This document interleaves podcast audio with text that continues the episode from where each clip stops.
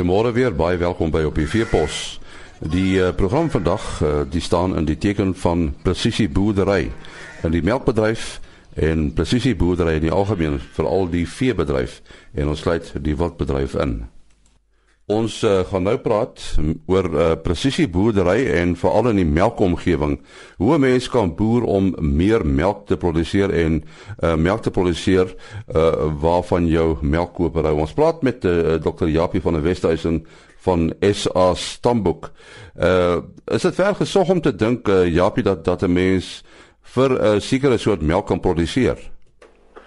Weet jy nie dis interessant hoe die tegnologie ontwikkel en uh wat besig is om te gebeur in die res van die wêreld. Ehm um, dit gaan oor voorkeure van mense, dit gaan oor mense wat dalk allergieë het of uh tot sekere goed nie kan tolereer nie soos byvoorbeeld laktose en daar's daar bewegings om eintlik meer in detail te gaan kyk hoe lyk die mark en wat die behoeftes is van die mark. So ehm um, melk is 'n komplekse produk uh en 'n saamgestel uit 'n klomp ander uh sit ehm produkte eintlik as jy dit so wil noem in terme van aminosure, proteïene, suikers, natuurlik water en laktose en so aan. So ehm um, dit dit is al die gebeur. Ehm um, ons sal later 'n bietjie miskien praat wat in Amerika aan die gebeur is rondom uh, groot maatskappy soos Coca-Cola wat nou ook na die mark begin kyk uh, wat spesifieke produkte wil uh, daar uit ehm um, laat voortspruit. En uh as as 'n mens nou so iets uh wil doen op jy op hierdie pad wil gaan, dan is meting natuurlik kardinaal, né? Nee?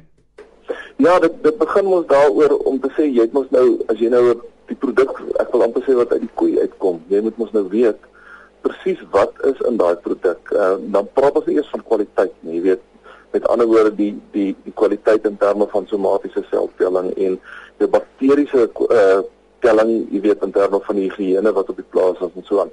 So al al hierdie faktore plus dan natuurlik die die iets soos bottervet en proteïene wat ons al jare lank meet uh, by melkkoeie en die laktose inhoud wat ook ander indikatore bevat in terme van jou bestuurspraktyke. Ehm um, en MUN of uh, melkurium stikstof wat ook 'n indikasie is van of jou voedingspraktyke reg is. Ehm um, maar ook 'n indikasie is van die omgewingsimpak van jou produksiestelsel.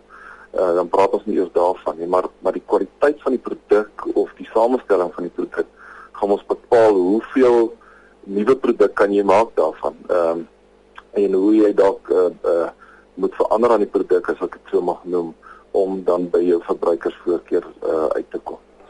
'n Voorbeeld hiervan is dat ons weet uh en dit is nou miskien al radikaal, um, ek was al in gesprekke met melkmasjienvervaardigers wat sê hulle hulle besit die vermoë om soos wat 'n koei gemelk word te bepaal hoe die produk verander want ons weet dat die melk wat eers uit die eier uitkom en die melk wat laaste uit die eier kom uitkom tydens melking kan verskil in terme van bottervet byvoorbeeld.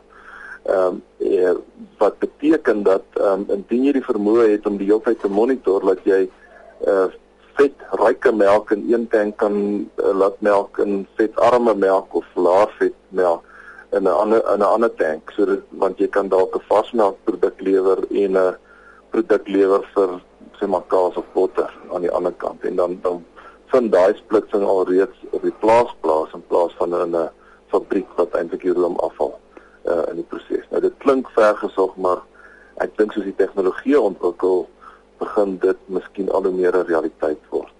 Uh punt wat wat ek wil maak is en dis wat jy die, die vraag wat jy gevra het is, dit begin altyd altyd maar by meting. Dit help nie om op gemiddeldes te werk en te sê ek het 1000 koeie wat ek melk en dis die gemiddelde produksie en die gemiddelde bottervet nie. Daar's koeie wat natuurlik wesentlik verskil soos wat mense verwag in enige natuurlike variasie in 'n kudde.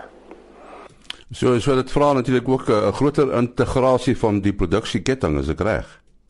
Ja, dit dit dit dis natuurlik so en en ek weet nie, weet dis nou maar altyd 'n ehm 'n konsensuele saak in, in terme van wie weet wie baat die meeste langs die uh, produksieketting en so aan, maar ek dink almal moet besef wat deel vorm van die produksieketting en dit is selfs die inset uh uh inset uh maatskappye en so aan wat in die melkerye insette lewer, die farmaseutiese maatskappye, die voedingsmaatskappye, maar reg deur tot by die kleinhandelaar uh moet miskien maar weer 'n bietjie gaan kyk en hoe 'n mens kan hande vat uh om te sorg dat al langs hierdie ketting wat jy dit so doeltreffend as moontlik maak maar dit gaan tog ook op die ou ou einde oor die eindverbruiker as hy nie die produk koop nie dan het die boere ook natuurlik probleme om hulle produk verkoop te kry. Ehm um, dit ek wil terugverwys miskien ek het dit in die begin genoem dit is interessant wat in Amerika gebeur nou waar Coca-Cola maatskappy nou begin ooreenkomste uh, tref met melkplase want hulle is besig om produkte te ontwikkel van melk af en dit is vir hulle belangrik dat die hele ketting sal sorg dat die doeltreffendheid van daai produk wat ge, uh, ontwikkel word en uiteindelik dan aan die verbruiker beskikbaar gestel sal word uh, doeltreffend geproduseer moet word en voldoen aan wat die markvereistes is. Uh, ga jy nie die ding kry dat uh, jy weet ek uh, praat van Coca-Cola dat hulle byvoorbeeld self melkplase gaan ontwikkel nie. Dit dit dit dit, dit daai moontlikheid bestaan, ek dink so. Ehm um, in hierdie geval het hulle nou net eenvoudig na van die grootste melkplase gegaan in 'n sekere area en kontrakte met hulle gesluit of self dalk aandele begin koop in in daai melkplase. So dit is natuurlik altyd 'n moontlikheid. Ek dink ons sien dit by ander bedrywe, so sê nou maar die vark of die hoenderbedryf wat wat die ehm um, die maatskappy op die einde dan ook in die primêre produksie ehm um, gedeelte van hierdie ketting begin belê. Uh en ek dink nie dit is waarskynlik te ver gesog nie vir alles hulle natuurlik uh, dat die ketting veroorsaak of as jy meer gedeeltes van die ketting besit dat jy, jy eintlik jou winsgrense kan verhoog nie. Dis iets ek dink wat die primêre bedryf moet op bedag wees en en betyds uh materials ek wil sê materials tref nie maar ehm um, net sal sorg dat hulle reg is as so iets wel uh, ook na ons markte toe begin kom. Ja, sê Dr. Japie van die Westhuizen van SA Stamboek. Baie dankie. Ons uh, gesels met Henny Snyman van Paradigm Landboukundige Adviseurs. En ons praat oor uh, iets wat ons baie hoor in die program en dit gaan oor presisie boerdery en veral nou in die geval praat ons 'n bietjie oor presisie boerdery in uh, in die in die veebedryf. Uh Enie, miskien net om jou af te skop, wat is 'n uh, algemene definisie vir uh, presisie boerdery? Enie, ja, nee, baie dankie. Uh, ek dink daar is twee spesifieke definisies wat ek graag wil noem. Uh, die eerste wat uh, die polisie van Noordwes Koöperasie sê altyd om die regte ding op die regte plek op die regte tyd te doen. En nating van die LNR sê om met die bestuur van insette die spyker op die kop te slaan eerder as om 'n skoot in die donker geskiet.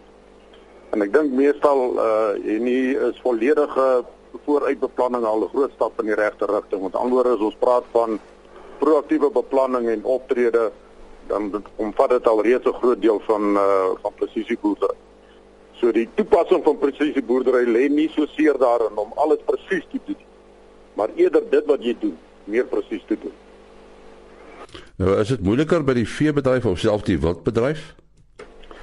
En nee ja nee, beslis uh, uh presisie boerdery is van toepassing op enige bedryfstak uh in die landbou. Uh beslis nie net daai boerdery nie. Ek sê altyd vir die boere uh ongelukkig is presisie boerdery gekoppel of uh, word gebrandmerk deur te sien dis 'n trekker met 'n uh, satellietontvanger op sy dak. Uh maar dit is verseker nie so nie. Dit is presisie boerdery is van toepassing op enige bedryfstak in die landbou. Uh, sou jy dit analoog maak aan intensifisering?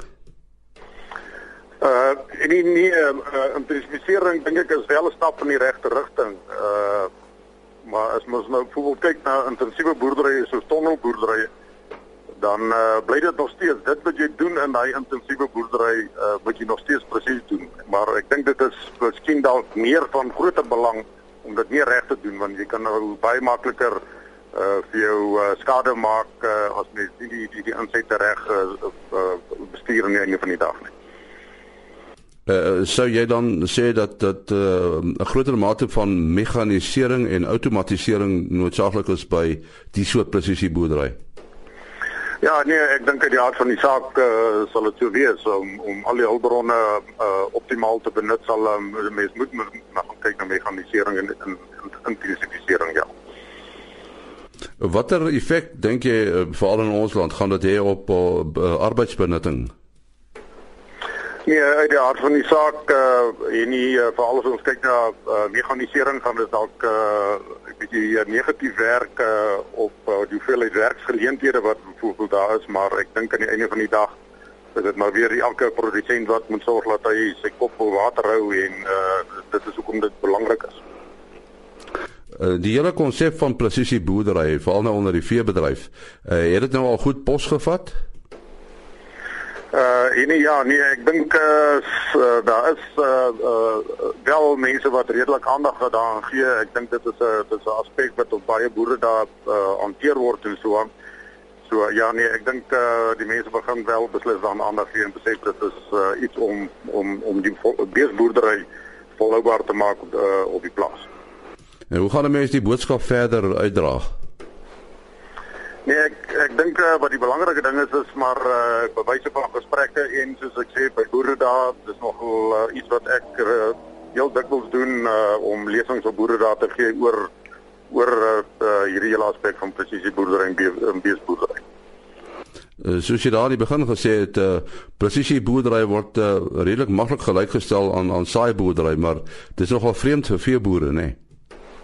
Ja, nee, dit is verseker uh, so nee, uh, jy weet ek kan dit basies opsom uh deur te sê dat uh, daar basies twee groot faktore betrokke is by uh, presisie boerdery en beesboerdery en dit is uh, omgewing en genetika.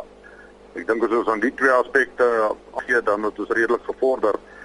Uh as ons gaan kyk na die omgewing, uh, behels dit eintlik meer na die optimalisering uh van die uh, van die omgewing deur dit te sinkroniseer met die natuur En hier is kalfseisoene eintlik van uh, kardinale belang. Kalfseisoene is ongelukkig 'n uh, aspek wat oor uh, om baie braaivleisvure baie oor argumenteer word en baie mense skiet kalfseisoene af, maar ek dink dit is een van die kritiese belangrike dinge wat mense moet implementeer om uh, juis vordering te maak uh, in terme van winsgewendheid in jou beesteboerdery.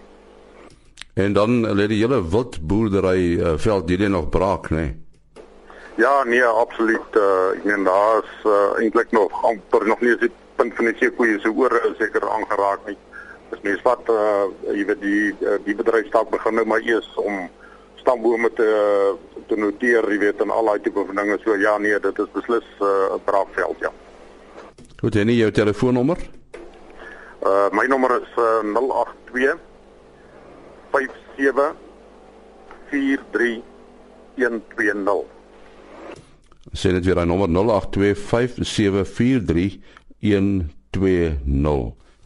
So tussen hakies Jenny Snyman gee op die 25ste Februarie 'n lesing by die Saamtrek Studiegroep by Botawil. Dit is die Botawil se Boeredag op die 25ste Februarie. Dit was uh, Henny Snyman van Paradigm Landboukonsultante. Ook die einde van ons program tot maandagooggend. Mooi loop.